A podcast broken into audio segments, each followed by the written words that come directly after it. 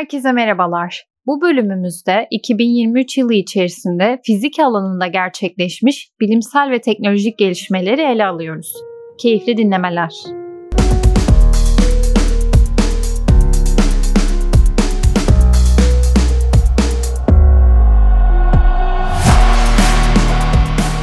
Hocam hoş geldiniz. Hoş bulduk Seda. Bugün geleneksel olarak Tapircast içerisinde gerçekleştirdiğimiz yıl sonu değerlendirme bölümlerinden birini daha gerçekleştireceğiz. 2023 yılının sonuna geldik ve bu yıl içerisinde gerçekleşen teknolojik ve bilimsel gelişmeleri değerlendireceğimiz bir bölüm daha çekmek istedik. Fakat 2023 yılında gerçekleşen bu gelişmeler diğer yıllara göre bizim açımızdan daha derin ve çeşitli olduğu için bu yıl bir ayrıma gitme kararı aldık ve bu bölüm içerisinde sadece fizik alanında gerçekleşmiş gelişmeleri ele alacağız. Bölümde ilerlemeden, detaylara inmeden hocam 2023 yılının bilimsel ve teknolojik gelişmelerine genel bakışınızı merak ediyorum. Öncelikle bana platformda yer verdiğin için tekrar teşekkür ederek başlamak istiyorum Seda. Söylediğin gibi 2023 yılı bilimsel alanda oldukça verimli, çeşitli ve derinlikli konularda çok önemli atılımların olduğu bir yıl oldu. E, tabii yaşadığımız bazı sıkıntılar da oldu. Malum ülke olarak başımıza gelen felaketler oldu. Şunları da tabii süreç içerisinde değerlendirdik değerlendiririz ama senin de söylediğin gibi artık şu segmentasyona sanki Nobel bölümünde imişiz gibi devam edebiliriz. Bu segmentasyona gitmek zorunda kalıyoruz. Senin de söylediğin gibi çünkü podcast içerisinde de değerlendiririz. Bazı alanlarda ortaya çıkan gelişmelerin duyurulmasıyla ortaya çıkan işte ortamın işte bunun sosyal mecralarda paylaşılmasının ve benzeri şekilde ele alınmasının ne kadar derinde olduğunu anlatabilmek için de güzel bir fırsat. Çünkü birazdan da değineceğiz. Bazı paylaşılan bilgiler doğrudan kaynaktan alınmadığı takdirde işte tevatür yöntemiyle yöntemiyle anlatılanların anlatılması şeklinde ilerleyince konunun bilimsel derinliğinin bazen gözden kaçırılmasının oradaki emeğin belki de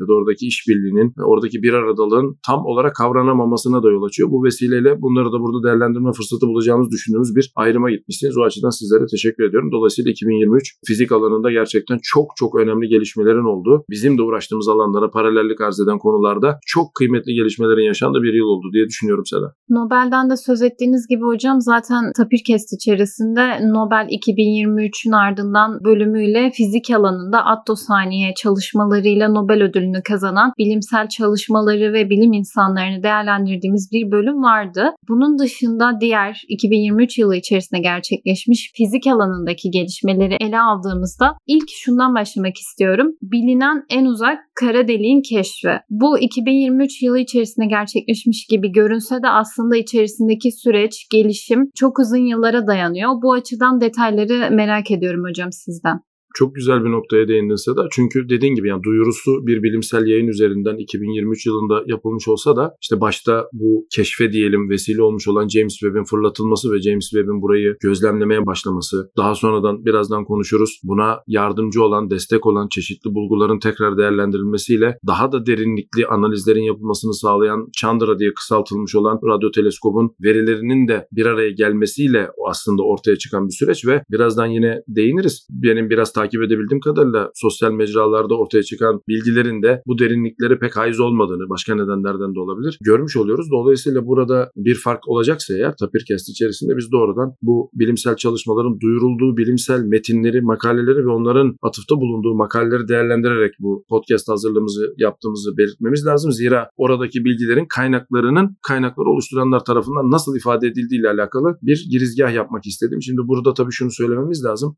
Bilinen en uzak kara deliğin keşfi neden çok önemli olsun ki diye başlamak lazım. Zira işte James Webb'in yayınlamış olduğu verilerin artık çok önemli bir kısmı açık olarak paylaşılıyor. Bu verilerin analiziyle alakalı yapılan çalışmalarda ortaya bir takım sorunlar çıktı. Bu sorunların en başında büyük patlamadan hemen sonra olan süreçle işte bizim yıldız oluşumunu, kara delik oluşumunu işte ya da uzay zamanın evrimini bildiğimiz kadarıyla yorumlamaya çalıştığımızda öngördüklerimizle uyuşmayan, nasıl olduğunu anlayamadığımız bazı olgular ortaya çıktı daha James Webb dinlemelerini gözlemlerini dünyaya iletmeye başlar başlamaz zaten böyle bir durumdaydık. Zaten James Webb'in gönderilme amacı da buydu. Yani hani bunları zaten çok iyi anladığımızı düşünmüyoruz. Acaba bu James Webb vasıtasıyla daha iyi nasıl anlaşılabilir şeklinde. Şimdi burada e, UHD-1 yani işte literatürdeki adıyla bilinen en uzak kara deliğin keşfi biraz böyle ortaya çıkmış durumda. Şimdi biraz dinleyicilerimize bunun geçmişinden bahsetmek lazım. James Webb bir takım işte bilinen en uzak yerlere bilinen diyoruz. Çünkü zaten oralara daha önce de söylediğim üzere 2001 yılında Chandra'nın teleskobun oraya doğrulttuğu doğrulttuğunu zaten biliyoruz yayınlardan. Yani bakılan bölgeye daha önce başka uzay teleskopları vasıtasıyla bakılmış durumda. İşte buna Hubble'ı da ekleyebiliriz. Ancak orada James Webb'le beraber özellikle James Webb'in infrared yani kızıl ötesi teleskobuyla baktığı zaman ortaya daha önceden de bilimsel çalışmaları yapan kişilerin ihtimalinden bahsettiği işte İngilizce tabiriyle too many, too massive, too soon. Yani beklentimizden daha çok,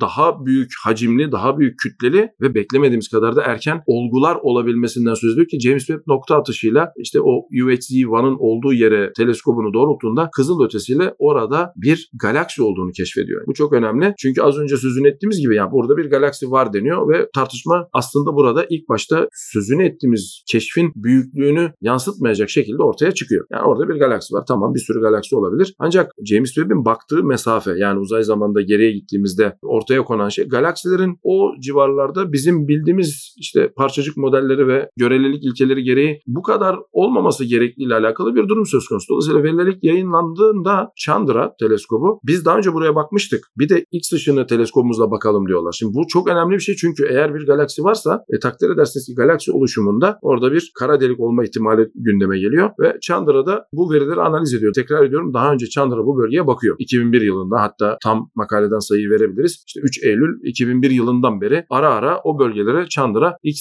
ışınları teleskobuyla bakıyor. Chandra bu James Webb'in bulguların üzerine orada bir galaksi var. Bir kara delik olduğundan şüpheleniyoruz. Dolayısıyla James Webb'i yönetenlere yazdıkları makalelerle diyorlar ki ya buraya bir kere daha bakmamızda fayda var. Çünkü buradaki aldığımız X ışınları verileri standartın biraz dışında. Acaba bunu biraz daha ayrıntılı görebilir miyiz? Hocam şu noktada araya girmek istiyorum. Chandra söylediğiniz gibi eski bir teleskop 1999 yılında fırlatılmış ve şöyle bir özelliği daha var. NASA'nın uzay programında aslında bir teleskobun yönetiminde kumandasında yer alan ilk kadın Eileen Collins. Bu teleskobun kumandalığını yapmış biri. O yıllarda gerçekleşen önemli bir gelişme diye de eklemek istedim gerçekten çok önemli bir nokta. Çünkü bizim de Türkiye Cumhuriyeti olarak uzay atılımlarını gerçekleştirmeye başladığımız yerde NASA'nın en azından bu işleri yıllarca yapmış birilerinin sisteme her şekliyle en kritik projelerde en kritik insanların, en yetenekli insanların layığıyla zamanında yerleştirildiğinin bir göstergesi. Yani bu açıdan da değerlendirmek lazım. Tabii şimdi burada şunu da söylemek lazım. Yine Chandra'nın fırlatılmasıyla alakalı bunu dinleyenlerimizle paylaşmamız lazım. Chandra bunu yapar yapmaz. Şunu söylememiz gerekiyor. Yörüngesine yerleşir yerleşmez hemen gözlemlerine başlıyor kabaca. Şimdi burada şu ayrım yapmamız lazım. Chandra dünyaya yakın bir yörüngede hareket ediyor. Dinleyenlerimiz bunu NASA'nın ilgili web sitesinden anlık takip edebilirler. E, James Webb ise biliyorsunuz L2 noktasında yani dünyanın daha da dışında hatta bayağı uzak bir bölgesinde. Yani dünyanın yörüngesi tırnak içerisinde sayılamayacak kadar uzak bir bölgede duruyor. Sabit noktada L2 sabitinde duruyor. Dolayısıyla gözlemlerini orada yapıyor. Şimdi bunu niye böyle söylüyoruz? Chandra'nın ufkuna baktığımızda ve e, James Webb'in ufkuna baktığımızda bunların kesinlikle çok farklı farklı olduğunu biliyoruz. Daha da ötesinde Chandra X ışınlarıyla bu gözlemleri yaparken teleskobunda James Webb infraredle yapıyor, kızıl ötesiyle yapıyor ama az önce bıraktığımız yerden devam edersek Chandra'nın ortaya koyduğu bu verileri tekrar James Webb'i oraya yönlendirdiklerinde bu sefer James Webb'in ikinci silahıyla buraya yaklaştığını görürüz. O da spektroskopi yani James Webb ikinci en önemli tool'uyla, ikinci en önemli aracıyla probleme tekrar bakıyor. Çünkü Chandra'dan gelen veriler orada beklenilenin dışında bir şeyler olduğunu söylüyor. James Webb yetkilileri ne vakit tekrar James Webb'i oraya doğru yönlendiriyorlar ve ve görüyorlar ki gerçekten orada spektroskopi ile accretion disk adı verilen yani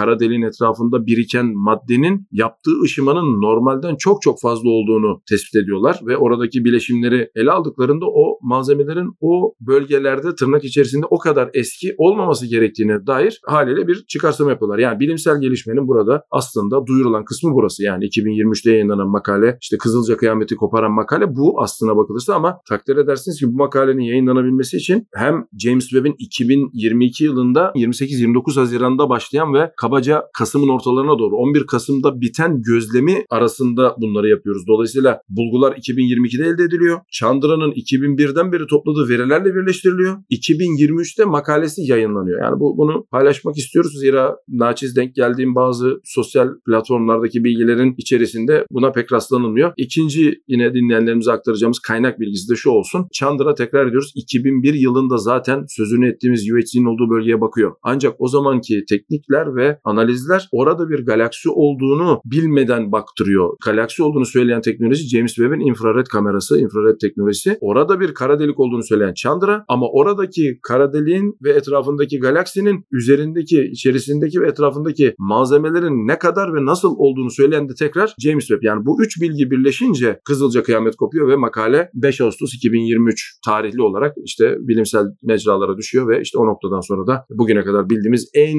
uzak, en eski tırnak içerisinde kara deliğin keşfine tanık olmuş oluyoruz. Son olarak şunu da söylemek istiyorum. Bu çok önemli bir şey çünkü artık James Webb'le beraber tabii daha önce de vardı Hubble Deep Space, Ultra Deep Space benzer şeyler ama uzay çalışmalarında kolaborasyonun ne kadar önemli olduğunu malum James Webb bir Avrupa Uzay Ajansı'nın da dahil olduğu orijinli bir teleskop. E, Chandra ise tamamen NASA'nın uydusu biliyorsunuz. Ancak görüyorsunuz ki bu keşifler artık bilimsel mecralarda birkaç teleskopun bir araya gelmesi ve bu verilerin bilimsel insanlar tarafından uluslararası platformda bir arada işbirliğiyle ancak ortaya konabiliyor. Çok sevindiricidir ki işte Türkiye Uzay Ajansı'nı güdümünde inşallah uzay istasyonunda deneyler yaparak tahmin ediyorum bu camianın içerisine hızla giriş yapacağız. O yüzden bu bizim için de ayrı bir önem taşıyor Seda.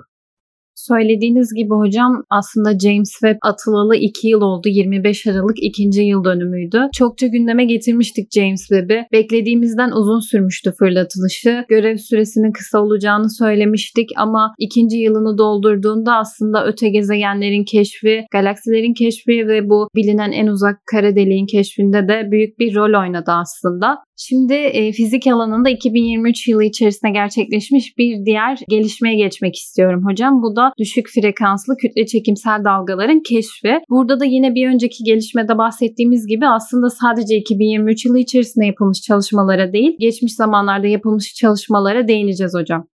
Tabii şimdi konu kütle çekimsel dalgalar olunca hemen aklımıza çok yakın zamanda LIGO, Kip Thorne'un LIGO vasıtasıyla işte kütle çekimsel dalgaları hatta işte bir basın bildirisiyle bunu biz keşfettik diye malumunuz. Şu akla gelebilir. Bir daha mı keşfettiler acaba diye. Tabii senin de girişte söylediğin gibi bu düşük frekanslı kütle çekimsel dalgalar. Şimdi bunu biraz dinleyenlerimiz için açmaya çalışalım dilimiz döndüğünce. Malumunuz hikaye 1915'te başlıyor. Albert Einstein'ın genel görelilik ilkesini yayınladığı zaman ki makalesi ve bu makalenin üzerinde üzerinde insanların kafa yorması ve bu makalenin çözümleri arasında az önce bir numarada zaten söyledik kara deliklerin mevcudiyeti. İkincisi de uzay zamanının bükülmesiyle ilgili bu uzay zaman bükülmelerinin tespiti noktasında bir kafa çalıştırma, bir akıl yürütme söz konusu. Şimdi bunları bir araya getirdiğinizde kuramsal olarak bunun çözümleri üzerinde çalışan insanlar zaten kütle çekimsel dalgaların mevcudiyetinin olmak zorunda olduğu ile alakalı çok daha erken zamanlarda zaten kafa yormuşlar ancak bunun tespit edilebilirliği ile alakalı kaygılar vardı ki gerçekten de kaygılarında haklılar. İşte 1915'te makale yayınlanıyor. İşte Friedman denklemleri falan şunlar bunlar düşünüldüğünde yani kabaca biz 50-60 yıl zaten teknolojinin oraya gelmesini bekledik ve LIGO işte geçtiğimiz yıllarda çok daha yeni bunların tespitini ortaya koydu ve işte Kip Thorne ve ekibi Nobel'i aldı. Şimdi ama orada bir problem var. LIGO'yu bir gözümüzde canlandıralım. O podcast'te de konuşmuştuk diye hatırlıyorum. LIGO malumunuz ilgili bölgede 4 kilometrelik kollara sahip ortogonal iki tane çok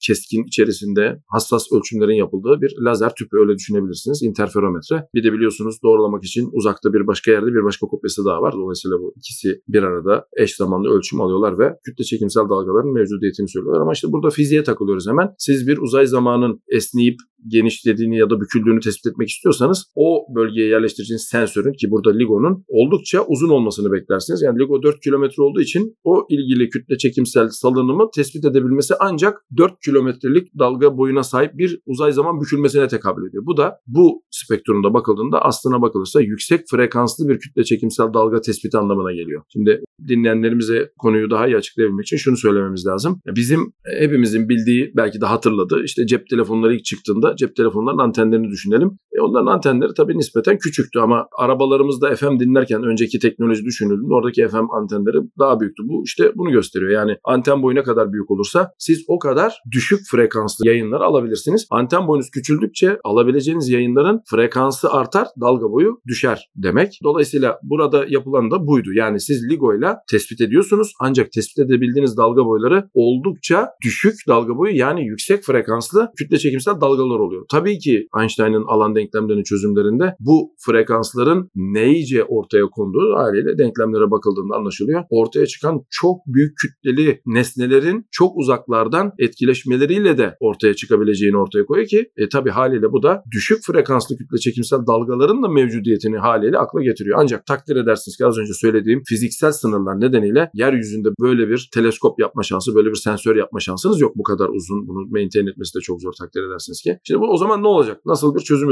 üretiyorlar? Ortaya çıkan makalede de zaten görüyoruz ki bu zamana sari bütün uzun yıllar boyu yapılan gözlemleri bir defa bir araya getirmeyi gerektiriyor. Birincisi bu. Çok uzun yıllar bunu gözlemeniz gerekiyor. Çünkü çok uzun yıllarca toplanmış verilerle ancak bu düşük frekanslı verileri bulabiliyorsunuz. İkincisi de matematiksel olarak gene Kipton'un, LIGO'nun öncülerinden olan Kipton'un yayınlamış olduğu makalelerde ve daha öncesinde bu tarz kütle çekimsel dalgaların tespitiyle alakalı yapılan teorik çalışmalarda Free Mass Detector adı verilen bir tekniğin kullanılması anlamına geliyor. Bu az önce söylediğim anten benzetmesinin gene bir türevi. Siz eğer böyle bir olguyu tespit etmek istiyorsanız yapmanız gereken aslında iki ucunda kütle olan ortamın kendisinin anten olduğu bir şey tasarlamanız lazım. Takdir edersiniz ki böyle bir şeyi de tasarlayacak durumumuz yok. Ancak işte burada devreye daha önceden yapılmış çalışmalar giriyor. Biz acaba çok hassas zaman ölçeğine sahip bir fiziksel nesne bulabilir miyiz ki uzay zamanın bükülmesinden ve benzeri etkilerden işte atım hızını ya da karakteristiklerini değiştirmediğine emin olduğumuz bir şey bulabilir miyiz ki? Ve bunları uzunca yıllar gözleyebilir miyiz ki? Ve onlardan gelen bize ulaşan bilgileri toplayıp bir araya getirip işte fiziksel karşılığı günümüzde üçgenleme deniyor ya da e, multiliteration adı veriyoruz. Yani birden fazla kaynaktan aynı özellikle verileri bir araya getirerek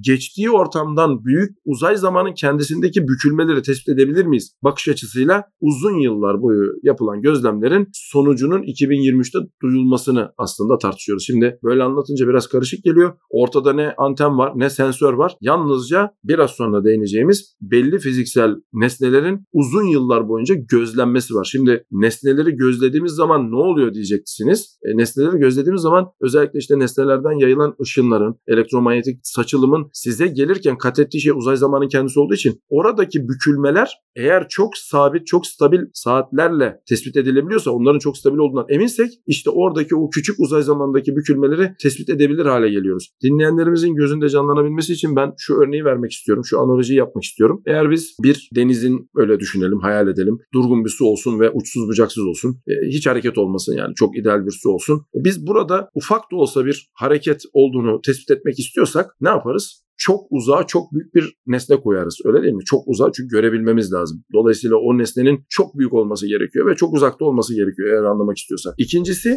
onun bir özelliğinin sabit olmasını bekleriz. Örnek işte renginin değişmemesini bekleriz ya da pozisyonuysa pozisyonun değişmemesini bekleriz. Ama biz bunu çok uzun süre takip edersek belki bir saat baktığımızda hala yerinde duruyordur ama belki iki ay devamlı gözlersek bunun yavaş yavaş hareket ettiğini görürüz. Ancak bazı özelliklerinde değişmediğini fark ederiz. Dolayısıyla değişmediğini fark ettiğimiz özelliklerin değiştiğini fark ettiğimiz özellikleriyle bir araya getirilmesiyle biz etrafımızda ne oluyor anlayabiliriz. Zaten açık denizde işte okyanusun ortasında kalan insanların da yaptığı budur. Yani açık deniz olursa kaldırıyorlar gece gökyüzüne bakıyorlar. Yıldızların öyle değil mi ya dönüş yönüne ve hızına bakarak nerede olduklarını kabaca kestirmeye çalışıyorlar. Yapılan bu. Dolayısıyla böyle bir antenimiz yok. Böyle bir bakış açımız yok. Yeryüzünde bunu yapabilecek yeteneğimiz yok. Ancak pulsar adı verilen çok çok stabil atıma sahip olan saatlerin diyelim fiziksel nesnelerin çok uzun yıllar gözlenmesiyle onlardan toplanan verilerin bir arada işlenmesiyle yine burada da bir işbirliği var takdir edersiniz ki işte sözün ettiğimiz mesafeler yıllar süren mesafelerden bahsediyoruz. Ortaya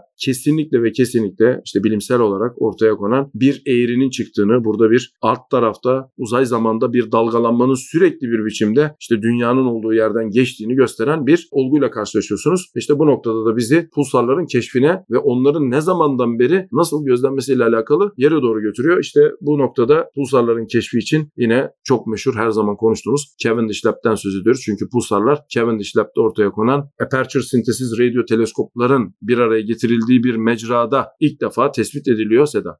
28 Kasım 1967'de. Jocelyn Bell aslında bu gözlemler yapıldığında o sırada doktora eğitimini alıyordu ve gözlemleri yaparken elde ettiği verileri incelemesiyle aslında bir tuhaflık fark etti ve sonrasında hocasıyla birlikte bu tuhaflığı değerlendirdiğinde nötron yıldızı kavramını ortaya çıkarmış oldu gerçekleştirdiği veri analiziyle. Fakat Nobel ödülü almayan bilim insanları arasında kendisi yani hocasıyla birlikte geliştirdiği çalışmalar sonucunda aslında Jocelyn'in hocası e, Nobel ödülüne layık görüldü hocam. Fakat Jocelyn herhangi bir Nobel ödülü almadı. LIGO'da da değinmiştik biz buna. LIGO'da Kip Thorne sadece Nobel ödülünü alan kişiydi. Ekibine bir ödül verilmedi. Burada belki de Jocelyn ve hocasına bir ödül verilebilirdi ama sadece hocası almıştı. Bu tartışmaları geçtiğimiz yılın Nobel ardından bölümünde Breakthrough ödülleriyle beraber detaylı bir şekilde değerlendirmiştik hocam. Bu tarz çalışmalarda da aslında günümüzde bu problem açığa çıkıyor. Çok güzel bir yere değindin. Hatta Jocelyn Bell'in çalışması Nobel alan makale öyle diyelim. 1968'de yayınlanıyor ve ilginç bir ayrıntı dediğin gibi bir numaralı isim Hewish'in yani hocasının ismi var. O tabii çok üzücü. Normalde biliyorsunuz bilimsel teamülde aslan payı bir numaralı yazarın olur. Hocalar genelde kendisini makalenin art yerlerine ya da en sona yazarlar. Bu tabii ilginç bir tartışma konusu. Ben bu bakış açısıyla Jocelyn Bell'in birkaç mülakatını okuma şansı elde ettim. Jocelyn Bell bu konuya çok içerlemiş durumda değil aslına bakılırsa. Tabii tabii ki yani bu çok içerlenecek bir durum yanlış anlaşılmasın. Yapılan çalışmanın aslan payı kesinlikle bulan, bunu öne getiren, burada bir tuhaflık olduğunu söyleyen, bu konuda ısrar eden yazmaları okuduğumuzda bunlarla karşılaşıyoruz. Kesinlikle Jocelyn Bell burada bana sorarsanız hakkı da yenmiştir. Hocası ama yanlış iş yapmıştır, eksik iş yapmıştır demiyoruz, tekrar ediyoruz. Yani hocasının yapmış olduğu bilimsel çalışmalar da gerçekten çok önemlidir. Bu işte burada taç kısmı yani deriz ya yani tacı takma kısmı atarcaların, pulsarların keşfi işte burada ikinci planda kalması, Nobel'in verilmemesi ya da Nobel'in paylaştırılmaması çok büyük problemken ben asıl tetiği çekenin yazar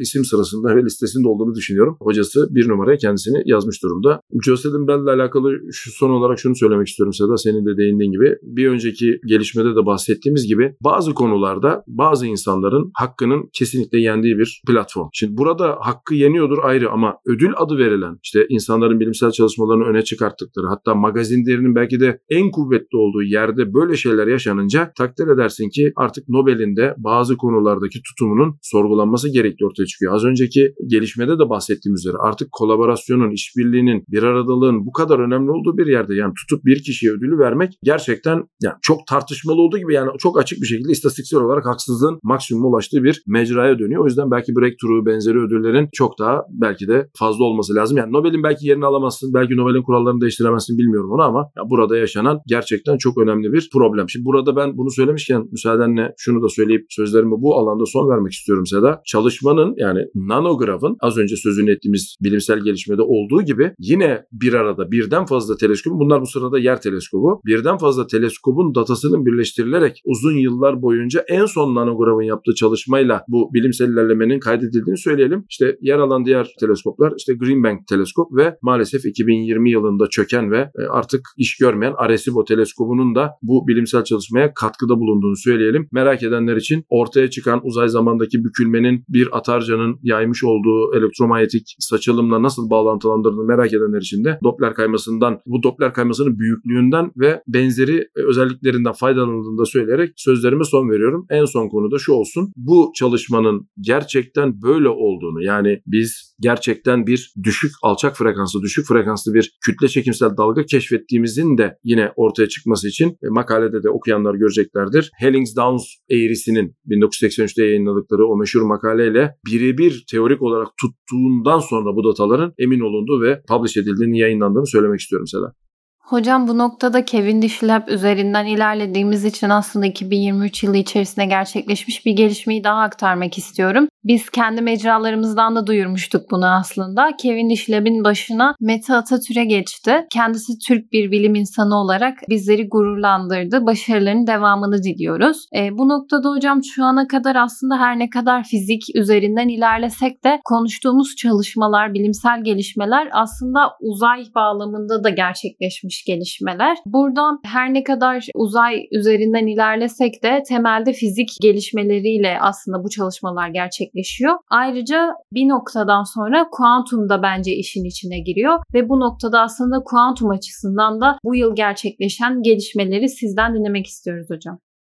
Şimdi ben de Mete Atatürk Hoca'ya burada şükranlarımı sunuyorum. Zira Cavendish Lab işte herhalde bilim camiasında 3-5 tane laboratuvar varsa bilim camiasının hepsinin bildiği, bilime yön veren, bilimde paradigma değiştiren, atlatan 3-5 yer varsa herhalde bunların başında geliyordur. İşte AT&T Bell Lab zamanında ama Cavendish hala öyle. Cavendish'in birinci başkanının, birinci müdürünün öyle diyelim. Yani Meta hocamızın oturduğu yerde ilk oturan kişinin James Clerk Maxwell olduğunu düşününce insanın tüyleri diken diken oluyor. Ya bu gerçekten çok gurur verici bir şey. Ya böyle bir laboratuvarın başında, yönetici pozisyonunda daha önce oturan insanlara baktığımızda hocamızın da bu noktada buraya layık görülmesi ve layığıyla yapacağına inandığımız için bizi bir başka gururlandırıyorsa da. Şimdi tabii konu senin de söylediğin gibi yani astrofizik olarak değerlendirilebilir hani gelişmelerden en öne çıkanların. Yine astrofizik orijinli olan bir başka çalışmada dediğin gibi yani kuantumla alakalı yani biraz sanki mikrokozmozla alakalı bir gelişmeymiş gibi duruyor ancak çalışmanın az önce sözünü ettiğimiz bağlamda tarihsel açıdan değerlendirilmesi göz önünde bulundurulduğunda kaynaklarını yine kara delikler üzerine yapılan çalışmalarda işte kara deliklerin bilgi kuramı ve Hawking ışımasıyla olan durumunun nasıl daha iyi anlaşılabileceği ile alakalı yapılan çalışmalardan kaynaklandığı bir yere doğru gidiyoruz.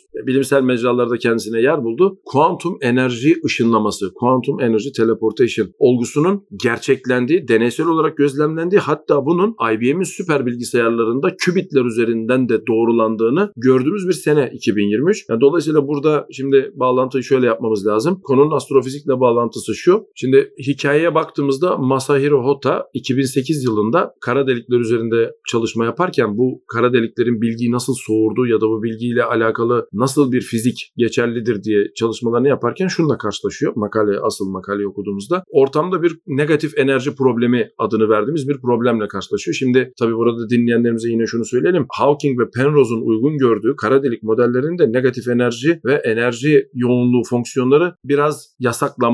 Bunlar üzerine çok gidilmemesi gereken aksi takdirde fiziğin değişik problemlerle hiç içinden çıkılamayacak yerlere doğru gidileceğini söylediği bazı kısıtlarla teorilerini ortaya koyuyorlar. Özellikle işte Hawking ışıması ve Penrose'un modeli. Şimdi negatif enerjinin olamayacağı, olmaması gerektiği ve bunun fiziğe dahil edilmemesi gerektiğiyle alakalı bir durum söz konusu. Şimdi Masahiro Hot da benzer bir şey üzerinden gitmeyip acaba mevzunun kuantum mekaniksel problemlerle doğrudan bağlantısı var mıdır diye düşünürken bir protokolle ortaya çıkıyor. Bir protokol diyoruz buna. Bir bilgisayar jargonu kullanıyoruz. Eğer siz kuantum sistemlerde çok sıkça karşılaşılan dolanıklık ya da almaşıklık diye de çevriliyor bazı yerlerde. Entangled state'ler yani dolanık durumlar üzerinden bir analiz yaparsanız iki dolanık sistemi birbirinden uzay zamanda ayırdıktan sonra dolanık sistemlerden birine enerjiyi enjekte ederseniz özel durumlar, özel kuantum mekaniksel işlemciler altında enerjiyi diğer taraftan ışık hızında alabildiğinizi gösteriyor. Bu protokolün uygunluğunu gösteriyor. Çok ilginç 2008 yılında en prestijli dergilerde Trapped Ion'lar ve Spin Chain adını verdiğimiz iki tane teknoloji için matematiksel olarak, kuramsal olarak bunların olabileceğini gösteriyor. Tabii bu önce pek ciddiye alınmıyor. Bir acaba problem mi var? Analizlerde acaba gözden kaçan bir yer mi var diye böyle biraz mesafeli duruluyor. Ancak bu sırada Hotta'nın bilimsel çalışmalarında biraz bu noktada yavaşladığını ama seminerlerinde bu konuya atıfta bulunduğunu görüyoruz ve e, o tabii o sırada bir taraftan da dinleyicilerimize söylemeliyiz ki kuantum bilgisayarlar ve kuantum mekaniksel sistemlerin hassasiyetleri ve ölçümleri üzerinden de çalışmaların devam ettiğini görüyoruz. Hatta işte yine Zeilinger'in aldığı Nobel'de yine takdir edersiniz ki bu dolanık sistemlerin hassas bir şekilde ölçülmesi ve interferometrik ölçümleriyle alakalı. Yani bu sıradaki çalışmalar hızla kendilerine bilimsel camiada yer buluyorlar. Ancak Hotta'nın çalışması yavaşlarken bir grup bilim insanı acaba bu mümkün olabilir mi deyip burada Hotta'nın öngördüğü protokolü artık tabii teknolojinin de ilerlemesiyle denemeye ve sınamaya başlıyorlar. Ve görüyorlar ki Hotta'nın işte 2008 yılında yazdığı makalede ortaya koyduğu şeylerin gerçekten sayıları da tutacak şekilde negatif enerji potansiyellerini sisteme sokarsanız kuantum mekaniksel sistemlerde entanglement altında, dolanıklık altında mümkün olabildiğini görüyorlar. E tabii ki bu bir tane deneyle olamayacağı için hemen kendini bilimsel camiada yer buluyor ve hemen akabinde bu sefer teknolojinin gene çok hızlı ilerlemesini de yine lütfen göz önünde bulunduralım. Ya bu söyledilen şeyler acaba bir protokol olduğu için bir kuantum bilgisayar uygulanabilir mi? Acaba biz bunu kuantum bilgisayarlar üzerinde de doğrulabilir miyiz diye hemen kendisine bilimsel camialarda yer buluyor ve hemen arkasında Ikea'nın çalışması geliyor. Ikea'nın çalışmasında da IBM'in kuantum bilgisayarları üzerinde üzerinden bu bir kez daha doğrulanıyor ve tutturulan enerji seviyeleri gerçekten de Hotta'nın öngördüğü 2008'de teorik olarak öngördüğü seviyelerin %70'ini %80'inin gerçekten başarıldığını tabii bazı kayıplar olmak kaydıyla ortaya koyuyor. Şimdi bu çok önemli bir şey Seda çünkü önce dinleyenlerimize gelişmenin kendisini anlatalım. Hep verilen örnek doğudur makalede de Alice ve Bob olarak yani iki taraftan bunlar öncelikle bir dolanık sistem elde ediyorlar ve birbirlerinden ayrılıyorlar. Daha sonra Alice kendisinin belli bir seviyede ground state adı verilen yani şu anda kuantum vakumu adı verilen oradan hiçbir iş çıkartamayacağımız entropik düzeyde olan bir yerden enerji çıkartmayı öngörüyor bu protokol. Yani neredeyse imkansızı söylüyor. Termodinamiği ihlali gibi gözüküyor. Dolayısıyla ortada olan şu siz kuantum vakumunun olduğu yerde onlar ki ground state diyorlar. Ground state'ten anladığımız da şu. ilgili kuantum mekaniksel sistemin en aşağıda bulunduğu seviye. Yani bundan daha aşağıda bir enerji seviyesinde olmak zaten mutlak sıfır anlamına geliyor. O, o sistemlerden bahsediyoruz. Eğer bu sistemi siz ölçmek isterseniz Heisenberg'in belirsizlik ilkesi gereği ortamdaki kuantum vakumu dalgalandırıyorsunuz. Dolayısıyla bu yasak. Yani orada ne olduğunu kesinlikle öğrenemezsiniz. Dolayısıyla ground state'e getirip orada bırakmanız gerekiyor. Ground state'e getirip bıraktıktan sonra Alice özel bir şekilde sisteme sisteme enerji enjekte ediyor. Buna aslında ölçme yapıyor diyoruz biz. Yani orada bir dalgalanma yol açıyor. Bu iki sistem dolanık olduğu için Bob öbür tarafta çok ilginç olan kısmı burası protokolün. Alice sisteme enerji enjekte ederken yapmış olduğu ölçümün sonucunu normal telefonla öyle diyelim biz öyle canlandıralım. Arayıp Bob'a söylüyor. Ben burada bir ölçüm yaptım sonucu bu. Lütfen sen de biraz sonra yapacağın ölçümde şu ölçümcüyü, şu ölçme operasyonu, şu ölçme düzenini kullan diyor. Dikkat edin burada bilginin transferi ışığın hızını geçemiyor. Burası çok önemli. Protokolün en önemli kısmı burası bana sorarsan bakarsan Bob ne vakit Alice'den aldığı bilgiyi hayata geçiriyor? İşte o zaman ortamda hiçbir tırnak içerisinde iş yapabilecek enerji yokken birden enerji Alice'in gönderdiği enerji diyelim. Alice'in ortaya koyduğu enjekte ettiği enerji kuantum bakımından ortaya çıka geliyor. Şimdi tabii burada böyle bizim enerjiyi ışınladığımız gibi bir şey söz konusu makalelerde de hep sıkça değinilir. Yani Ikea'nın kendi makalesinde de açıkça yazıyor. Ya, enerjinin ışınlandığı falan yok. Olay şu şekilde cereyan ediyor. Ya şimdi burada tabii ışınlanan şey enerji değil. Yani bunu söylememiz lazım. Ortamdaki